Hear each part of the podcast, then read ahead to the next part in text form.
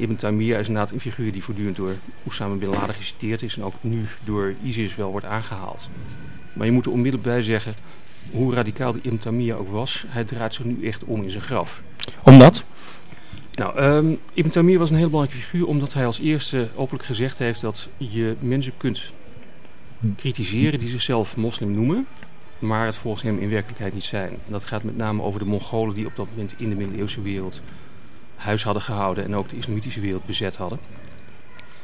Mensen die niet op de juiste wijze de islam beleiden. Ja, en die Mongolen waren natuurlijk tamelijk uh, gevaarlijke figuren. Die hadden bijvoorbeeld Baghdad helemaal platgebrand ja. en letterlijk 10.000 mensen over de kling gejaagd.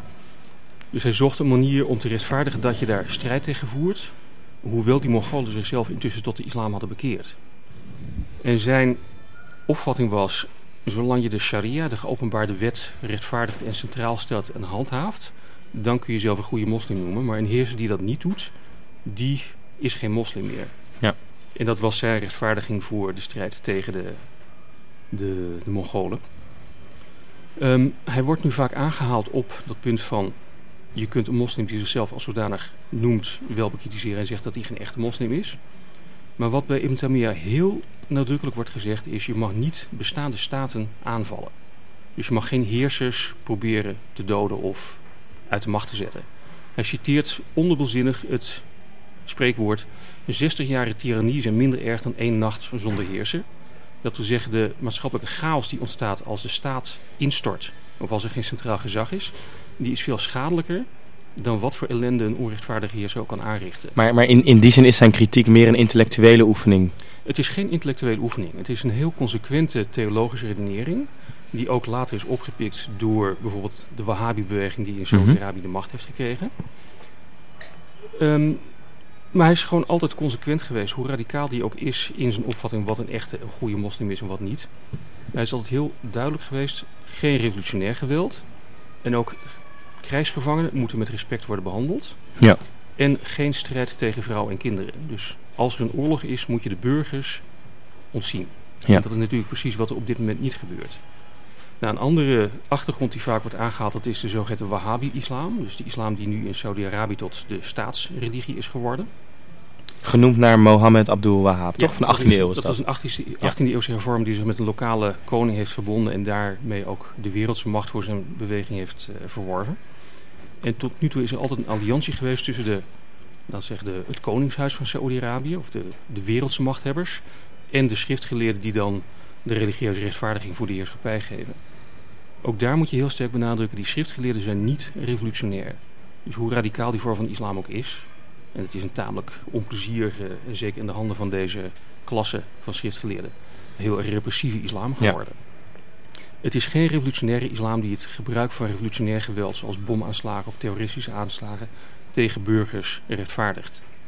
Dus de grote vraag is, waar komt het idee van revolutionair geweld tegen staat en tegen burgers vandaan? En hoe wordt het precies gerechtvaardigd? En als je die vraag zou moeten beantwoorden? Dan is er een heel duidelijk antwoord op te geven. Dat komt uit de 20e eeuw, uit een aantal moderne islamitische denkers met een lekenachtergrond. Die voor het eerst de islam hebben omgevormd tot een politieke ideologie. En sterker nog tot een revolutionaire politieke ideologie. En dat zijn uh, 20e eeuwse denkers als de, de India of de later Pakistani Abu Ala al-Maududi geweest. Maar nog belangrijker Sayyid Qutb, een Egyptenaar die lid van de moslimbroederschap was. Hij had een lekenopleiding, was aanvankelijk ook min of meer seculiere literaire auteur. Maar tijdens een midlife crisis is hij opeens een vorm van islamisme gaan aanhangen.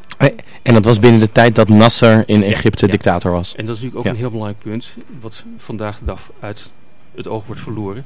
Egypte, Irak, Syrië, alle Arabische staten, met uitzondering van Saudi-Arabië, hebben decennia lang puur wereldse machthebbers gehad. En dat is een heel belangrijke achtergrond. Daar moeten we direct naar kijken wat precies dat voor machthebbers waren.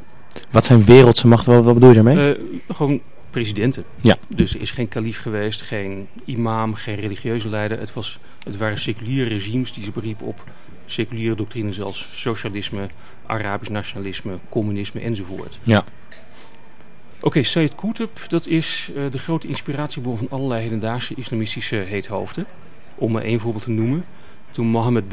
in 2004 gearresteerd werd op de dag dat hij Theo van Gogh vermoord had, Toen vonden ze op zijn nachtkastje een boek van Said Qutb. Ja. Dat is een fundamentele figuur om te bekijken en te zien hoe hij geweld, geweld rechtvaardigt. Het fascinerende aan Said Qutb is, hij rechtvaardigt geweld op basis van een Koranvers dat eerst heel liberaal klinkt.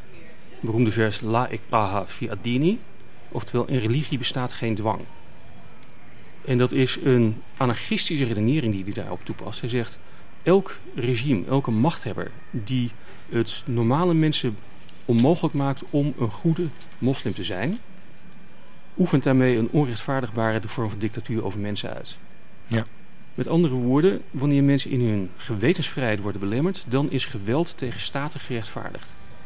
En dat verkondigt hij heel ondubbelzinnig. Hij heeft het overduidelijk over het Egypte van Nasser, maar hij zegt algemener, elke vorm van menselijke soevereiniteit, dus heerschappij van een president of een koning of een parlement, dat komt neer op regeren van één mens over het andere en is daarmee illegitiem, want de enige soevereiniteit komt toe aan God. Ja, maar dat, dat, dat zou bijna, ik bedoel, die, die toevoeging, dat komt toe aan God. Dat maakt het natuurlijk religieus. Maar de, de op, op, opmerking, de gewetensvrijheid, Ja. zodra die beperkt wordt, mag je in... Dat zou bijna ook een seculiere filosofie kunnen zijn, toch? Eh, sterker nog, dat is natuurlijk een seculiere filosofie en ook de, de ideologische achtergrond van Said Qutb. Ja. Die moet je niet zoeken in middeleeuwse gewelddadige orden zoals de assassijnen die eh, eerst hars gingen roken en vervolgens leiders gingen vermoorden. Maar die moet je eerder zoeken in een heel andere plek, namelijk in het Rusland van de 19e eeuw. Je ziet overduidelijk en echt tot in het taalgebruik van Said Qutb toe. Hij praat over de, die ideologische zuiverheid van de ware moslims. Hij praat over de, de, de voorhoede die door de zuivere moslims gevormd moet worden. En hij praat over revolutionair geweld. Dat is puur anarchistisch of leninistisch taalgebruik. En gezien de achtergrond van het Egypte waarin hij werkt is dat ook heel begrijpelijk. In de jaren 40 en de jaren 50 van de 20e eeuw was islam niet aanwezig als politieke ideologie in de islamitische wereld. Het waren vernieuwende denkers die van de islam een politieke ideologie gemaakt hebben.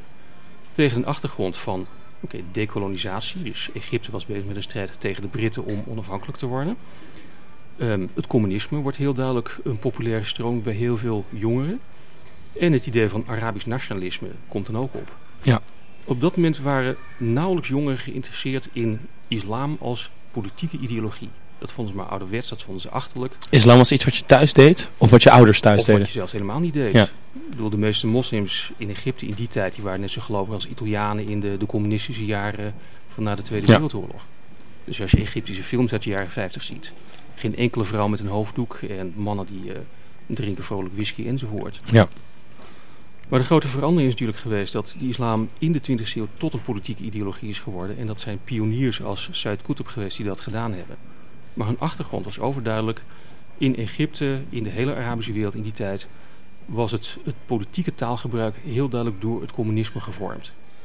En niet alleen het politieke taalgebruik, maar ook de, de organisatie van deze staten. Dus het Egypte van Nasser dat is gemodelleerd op de Sovjet-Unie en de Ja. Oost-Duitse Duitse Democratische Republiek. Op een soortgelijke manier het Syrië van Hafez al-Assad, dus de vader van Bashar al-Assad, en het Irak van Saddam Hussein, die zijn overduidelijk gemodelleerd op Oost-Europese staten. Saddam Hussein is het duidelijk, die heeft heel nadrukkelijk zijn eigen Irak ingericht, gemodelleerd op de regie of het regeren van Jozef Stalin in de Sovjet-Unie. Ja. Dat we zeggen regeren met behulp van geweld en regeren met behulp van een veiligheidsdienst. Een hele goede geheime dienst. Die, ja, of een veilig veiligheidsdienst. genomen zes veiligheidsdiensten of zoiets. Maar deze vorm van stelselmatige terreur over de bevolking uitoefenen. Dat is decennia lang de politieke realiteit geweest in met name Irak en Syrië.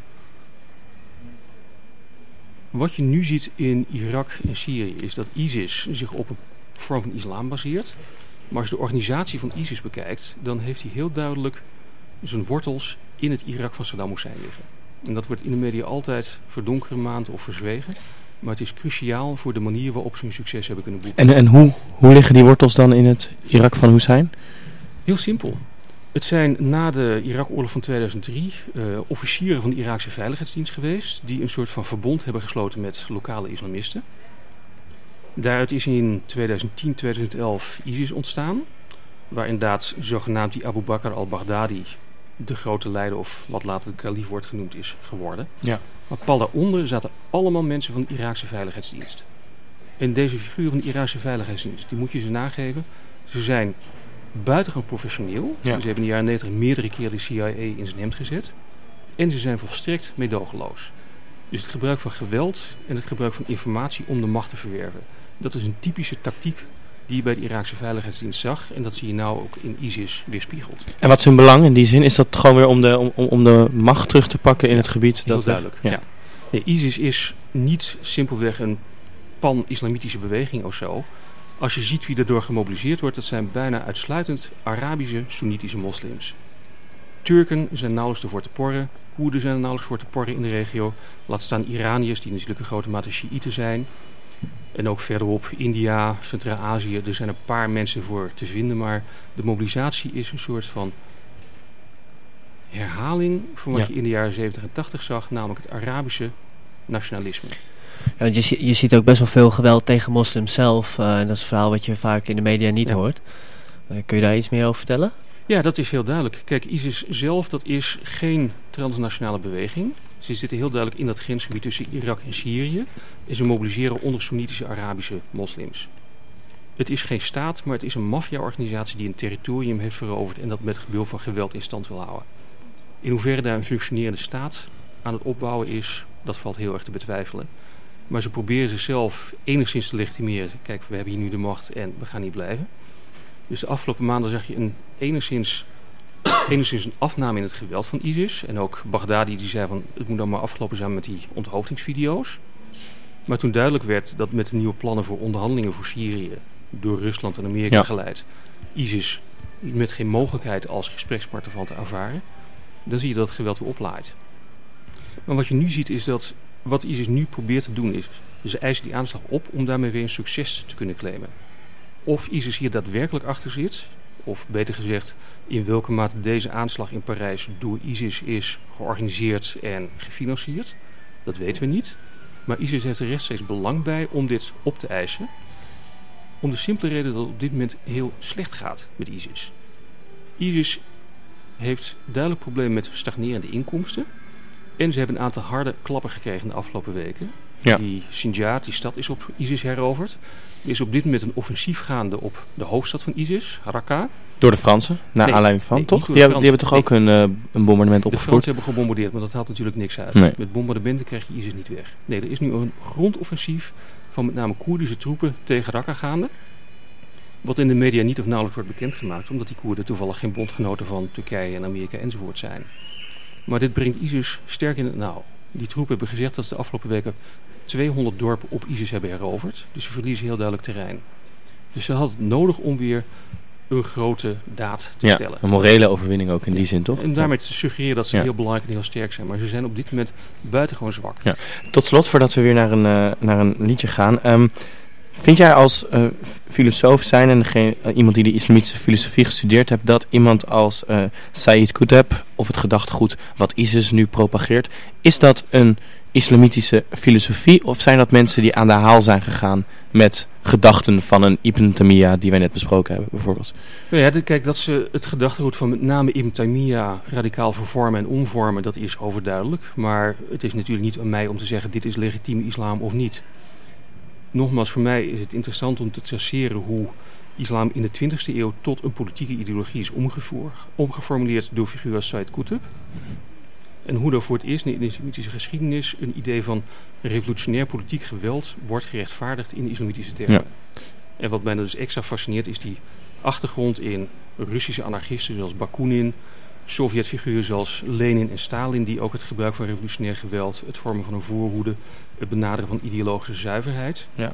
hoe dat opeens tot een mode wordt in de islamitische wereld, terwijl in de klassieke islamitische wereld dat juist volledig afwezig is. Ja. Dus ik ben vooral geïnteresseerd in die radicale omvorming van de, noem het de klassieke islam naar de moderne islam. En de vraag waar die kenmerken van de hedendaagse islam precies vandaan komen. In het ehm, slotgesprek straks gaan we ook nog even kijken naar hedendaagse islamitische denkers. Maar wat ik me afvroeg is, is het zo dat de ideeën van Said Qutb of ehm, de, eh, de, de, de politieke islam zoals die misschien nu radicaal geïnterpreteerd wordt, is er ruimte, zijn er mensen, grote islamitische denkers op dit moment waarvan je kan zeggen, nou daar moeten we straks wat meer over hebben, maar die bekritiseren dat duidelijk, die, die zetten daar duidelijk iets anders tegenover. Of daar is nog een academische discussie gaande binnen de islamitische filosofie. Ehm, nou ja, de- op dit moment is er nauwelijks sprake van een geïnstitutionaliseerde islamitische filosofie. Je hebt een aantal denkers of noem het ideologen die nieuwe ideeën ontwikkelen.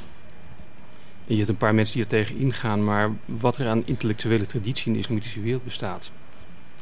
Je merkt inderdaad dat het veel rijker is en veel, in allerlei opzichten ook veel radicaler is in filosofisch opzicht dan wat, wat je zou verwachten. Er is inderdaad een aantal middeleeuwse filosofen geweest die heel ondubbelzinnig gezegd hebben dat de rol van religie beperkt moet worden en dat filosofie boven religie staat.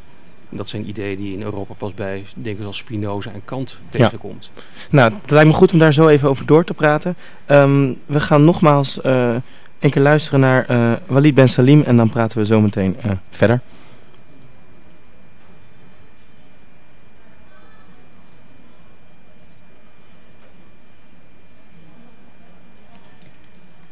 Hij komt eraan hoor, twee seconden.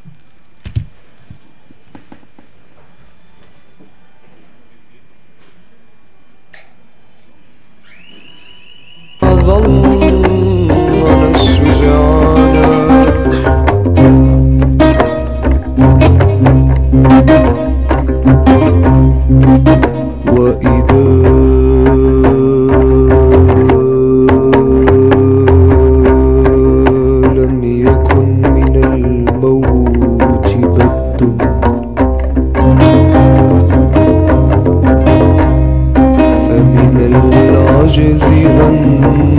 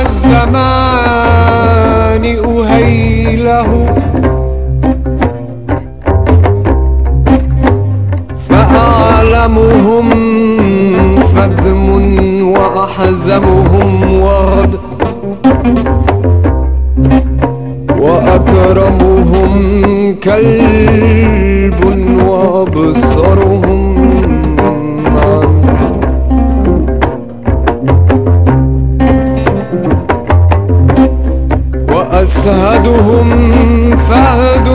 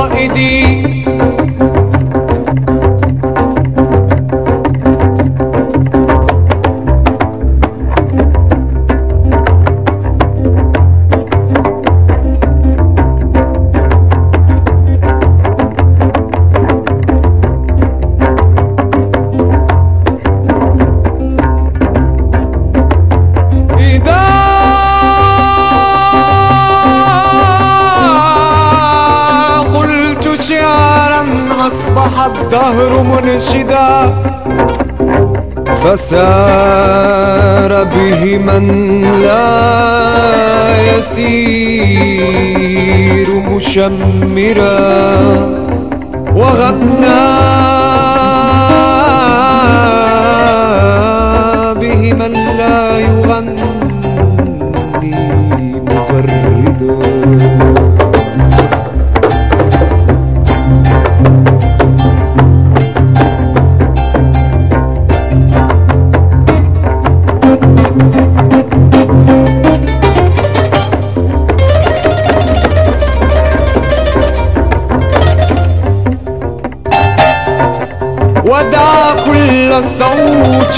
غير صوتي فإنني أنا الطائر المحكي.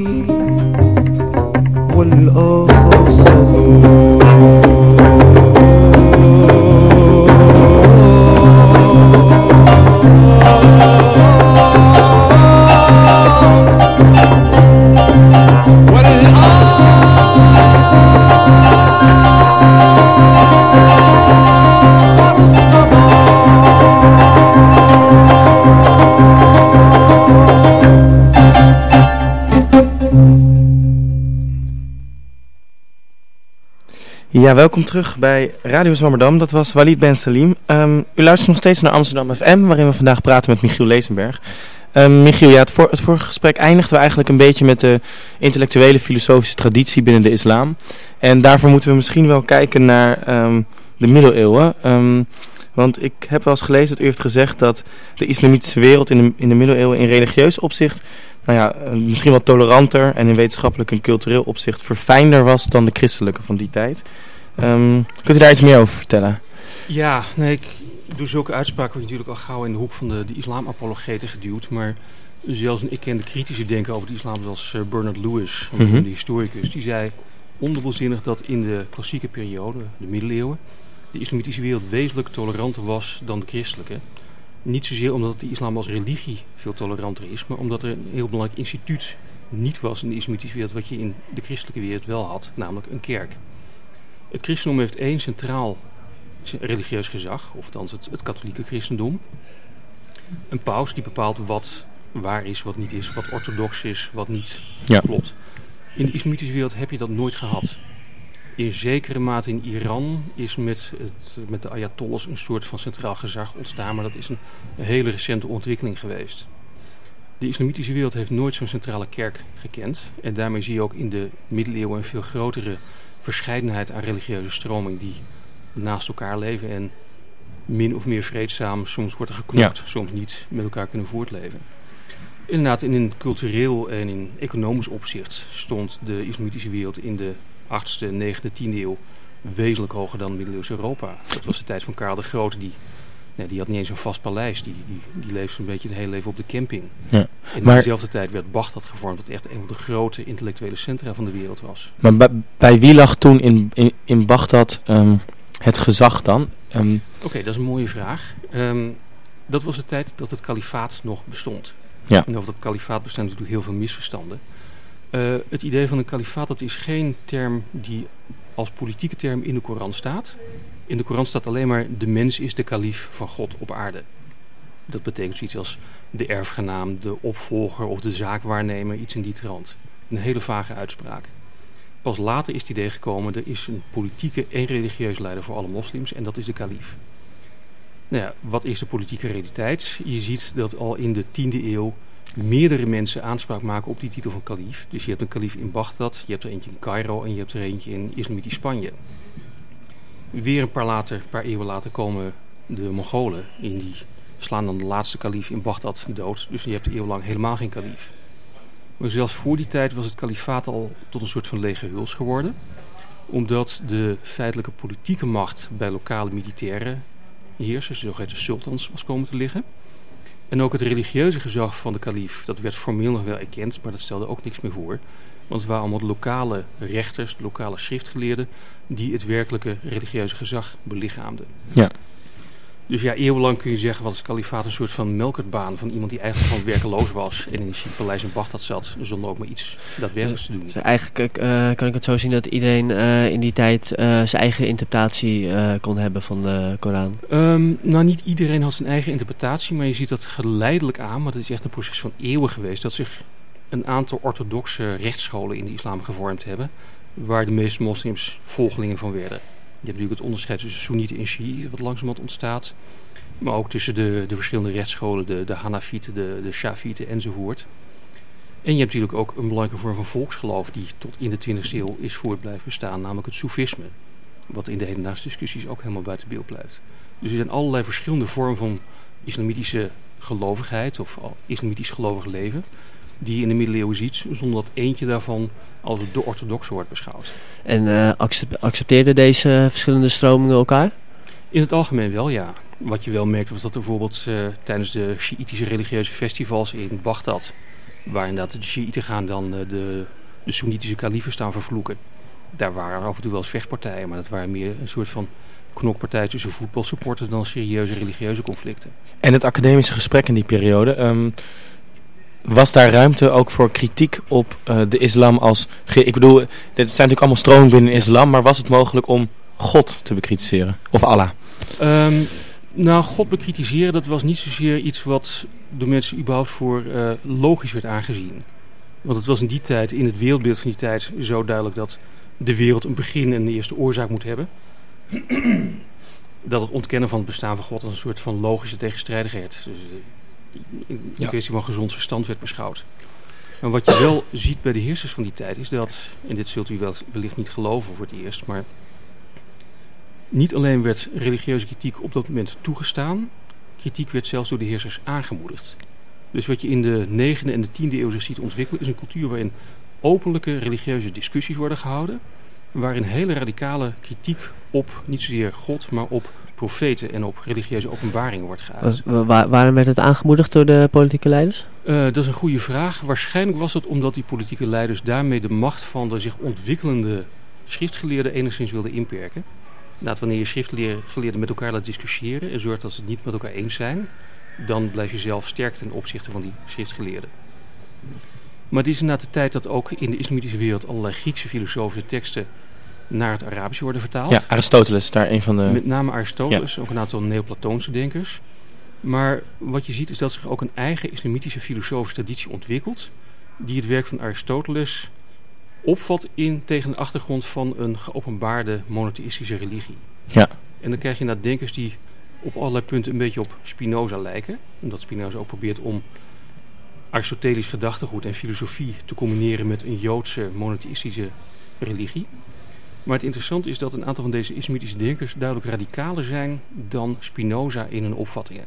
En dat is zeven eeuw voor Spinoza al. Ja, en, en kunnen we erin misschien één denker uitlichten? Ehm, Averroes, die heeft Aristoteles ook geherinterpreteerd, toch? Ja, Averroes is, is dat niet het de goede maar- voorbeeld wat we... Nou, het- eerlijk gezegd is Averroes een beetje saaie Piet, omdat hij alleen maar commentaar zit te geven op Aristoteles. Maar je hebt een aantal eerdere denkers die veel radicalere dingen Mhm. formuleren.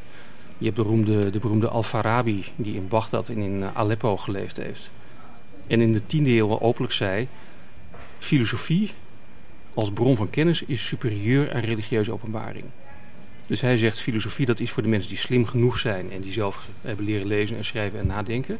Die kunnen zelf bepalen wat de morele wet uitha- uitmaakt. Maar voor het gewone volk wat niet kan lezen en schrijven, wat te dom is om zelf na te denken, daarvoor heb je geopenbaarde religie. Dus daar is de tegenstelling niet zozeer tussen reden en religie, maar vooral tussen de geletterde elite en de ongeletterde massa. Ja. En deze man heeft dus als gezegd openlijk verkondigd, filosofie is superieur aan religie. En dat is iets wat je in Europa pas bij, pas bij denkers als Spinoza en Kant voor het eerst tegenkomt. Ja, en, en, en, in, in die zin was Al-Farabi wel een religieus man? Eh, niets wijst erop dat hij niet religieus was. Dus als gezegd, het geloven in een schepper of een eerste principe of Precies, was in ja. die tijd domweg een kwestie van gezond verstand. Maar kritiek op religieuze openbaring, inclusief die van de Koran, dat zie je in deze tijd heel duidelijk terugkomen. Dus je hebt een paar nog radicalere vrijdenkers dan Al-Farabi, die in, nogmaals, die in publieke debatten zeggen dat bijvoorbeeld alle profeten, zonder uitzondering, oplichters zijn. En dat was één denker die dat zei, Abu Bakr al-Razi. Dat was een beroemde filosoof en arts. En die kon het openlijk zeggen. En hij heeft een hoge leeftijd bereikt. En mensen zeiden, ja, het is wat radicaal, maar Ja. daar we de argumenten tegen in plaats van proberen aan te vallen.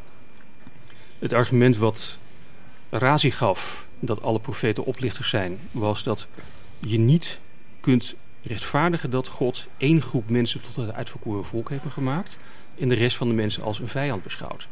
Dus zijn opmerking is religieuze openbaringen, als die van christenen, joden of moslims, die zetten alleen maar de mensen tegen elkaar op. En dat kan niet Gods bedoeling zijn geweest.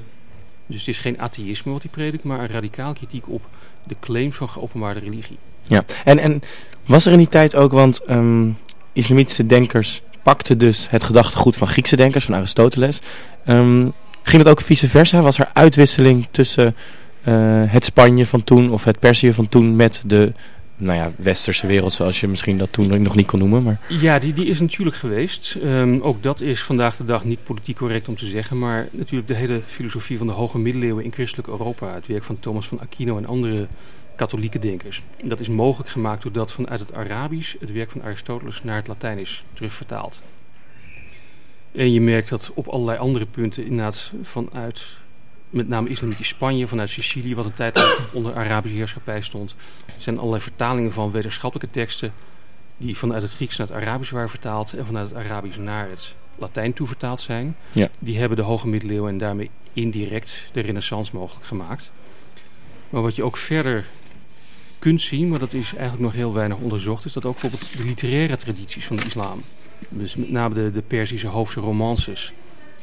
Er zijn aanwijzingen dat die Perzische ridderromans, zo zou je ze kunnen noemen, dat die een aantal van de Europese middeleeuwse hoofdse romans beïnvloed hebben. Het is een beroemd verhaal van uh, Floris en de Blanchevloer. Mhm. Een collega van mij, in van mij in Leiden die heeft onlangs uitgezocht dat dit tot een Perzisch epos uit de middeleeuwen teruggaat. En die overeenkomsten zijn heel erg opvallend. En het zijn niet toevallige dingen, nee, dat gaat heel erg ver. Dus er lijkt wel degelijk sprake van culturele uitwisseling. Ja. Maar er is op dit moment helaas niet zo heel veel meer van te zien.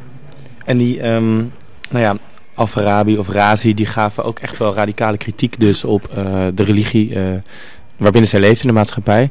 Ehm, is dat gedachtegoed binnen de islamitische wereld, binnen de islamitische academische wereld, ehm, verloren gegaan? Of is dat nog wel... Ja, in de, in de Soenitische wereld is filosofie langzamerhand steeds meer gemarginaliseerd. Ja. Dus dit soort ideeën zijn steeds meer ehm terzijde geschoven. En Soenitisch is wel het, het merendeel, toch? Eh, dat is, ja, dat is meer een deel van de Arabische moslims. ja, Maar ja, dat, ja. Nee, dat is wel goed even Ja. Maar je ziet dat in de Sjiitische islam filosofie altijd is blijven voortbestaan. Maar wat je wel merkt is dat die filosofie daar veel meer met mystieke ideeën wordt versmolten. Dus niet een soort rationalistische filosofie zoals je bij ons ziet. Maar een filosofie die tegelijkertijd ook heel duidelijk mystieke kanten heeft.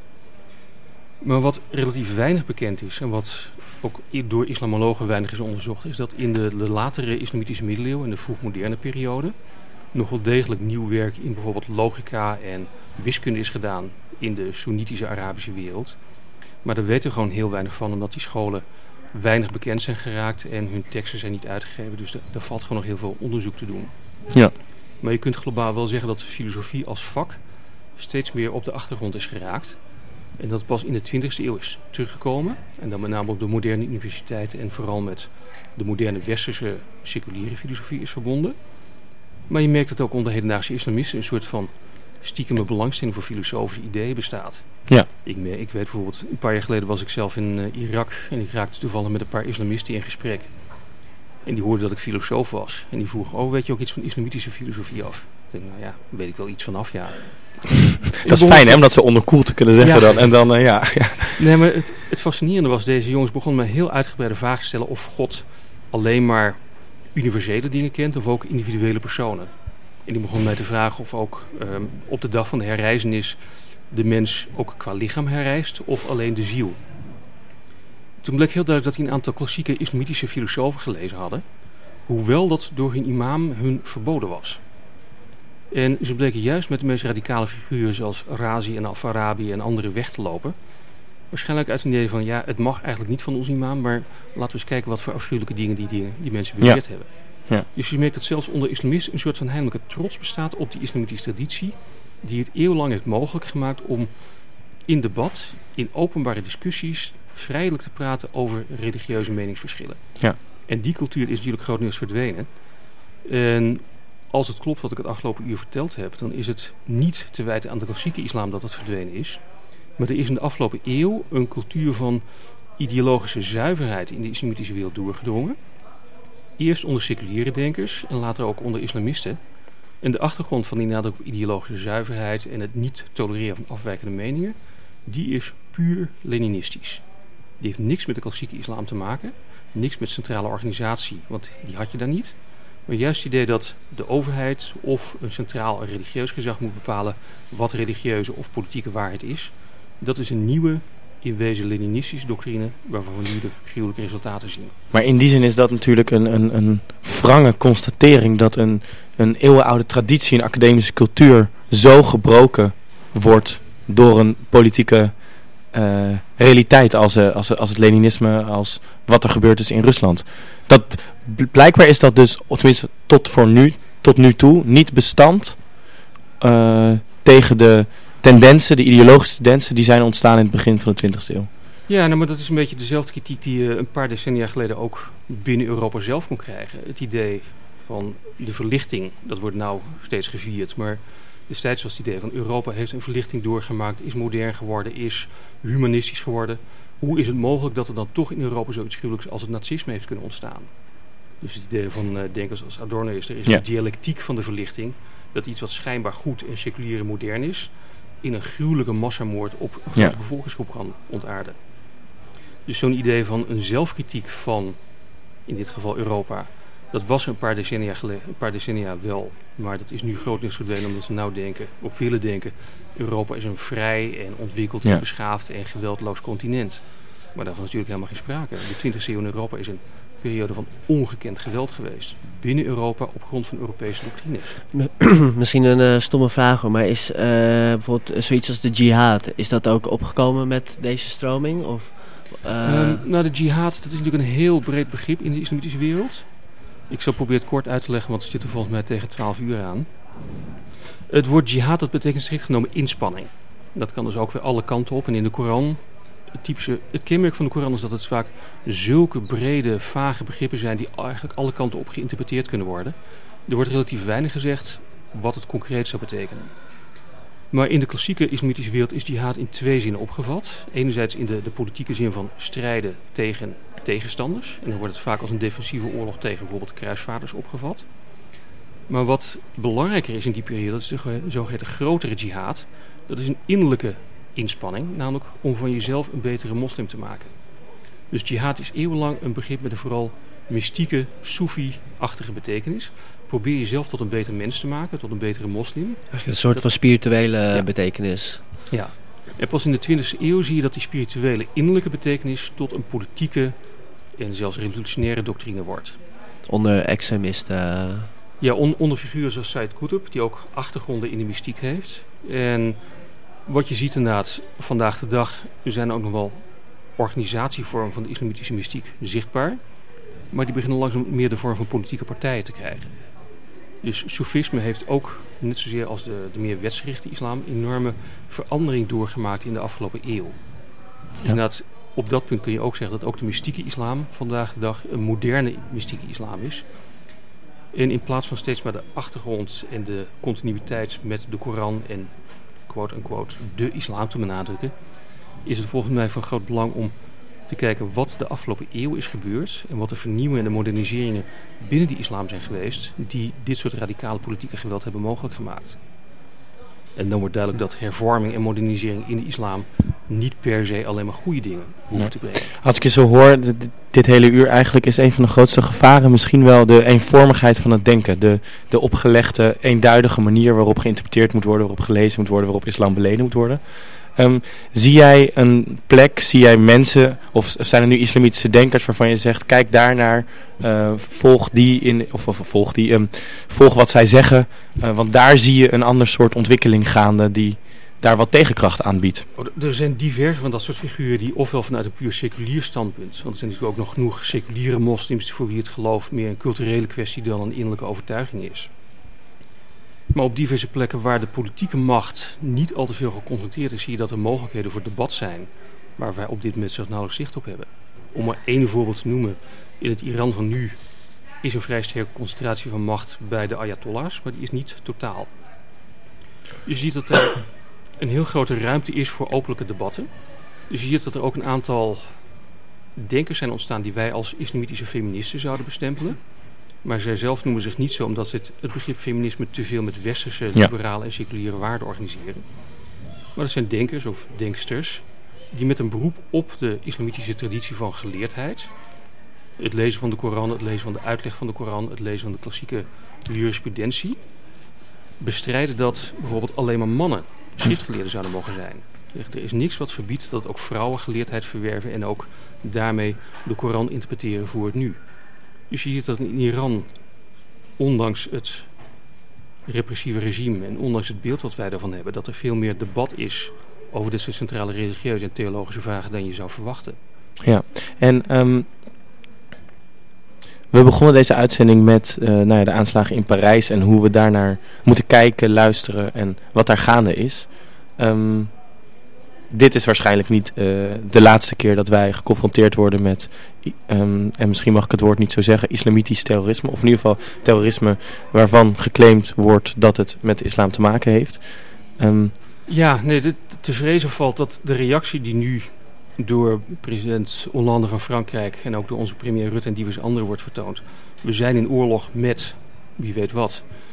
Ja, het is om te beginnen tegenspraak, want Daesh of ISIS, dat is geen staat, maar het is een terroristische groepering, of beter gezegd een maffia die een territorium heeft afgebakend, maar geen staat in de klassieke zin van het woord. En het probleem is dat je door het bombarderen van steden als Raqqa en andere plekken alleen maar het potentieel van nieuwe recruten voor ISIS vergroot. Want ISIS kan nou zeggen, kijk, wij worden gebombardeerd omdat wij de ware islam uitdagen. ISIS heeft er belang bij dat de westerse wereld zich druk maakt over ISIS en dit als het centrale probleem van het Midden-Oosten beschouwen. Ja. Terwijl vergeleken met een regime als dat van Assad, ISIS nog maar kleine jongens zijn. Ja. Assad heeft wezenlijk meer doden op zijn geweten dan ISIS tot dusver voor elkaar gekregen heeft. Maar hij maakt geen video's van onthoofdingen die op internet worden gezet. Ja. De oorzaak van het ontstaan van ISIS is niet de islam, het is niet de Amerikaanse oorlog van 2003. Dat is met name de repressie van de oorlog of van het verzet geweest door de Syrische president al-Assad. Dat is geëscaleerd en in die escalatie en in dat machtsvacuum heeft ISIS kunnen ontstaan en heeft een lokaal territorium kunnen afbakenen en gebruikt nu geweld als een soort van reclameboodschap. Ja. Maar die oorsprong van ISIS die ligt met name in de Syrische opstand en de hele gewelddadige repressie daarvan. Moeten we daarom misschien wellicht iets meer eh, islamitische filosofie lezen?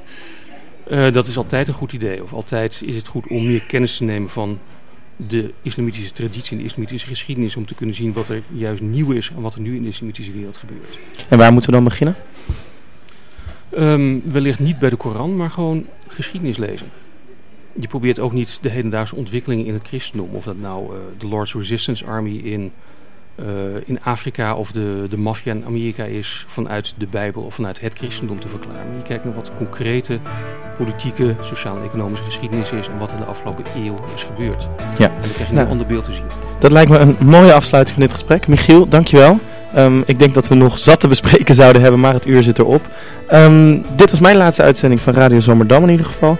Um, ik wil Elmer bedanken die vandaag niet alleen sidekick, maar ook nog heen en weer rende om uh, de liedjes in te starten. En volgende week uh, zijn we er weer. Uh, kom vooral ook een keer langs, want we hebben hier zelfs nog een kleine tribune. en de koffie staat klaar. Uh, voor nu een hele fijne zondag en uh, tot volgende week.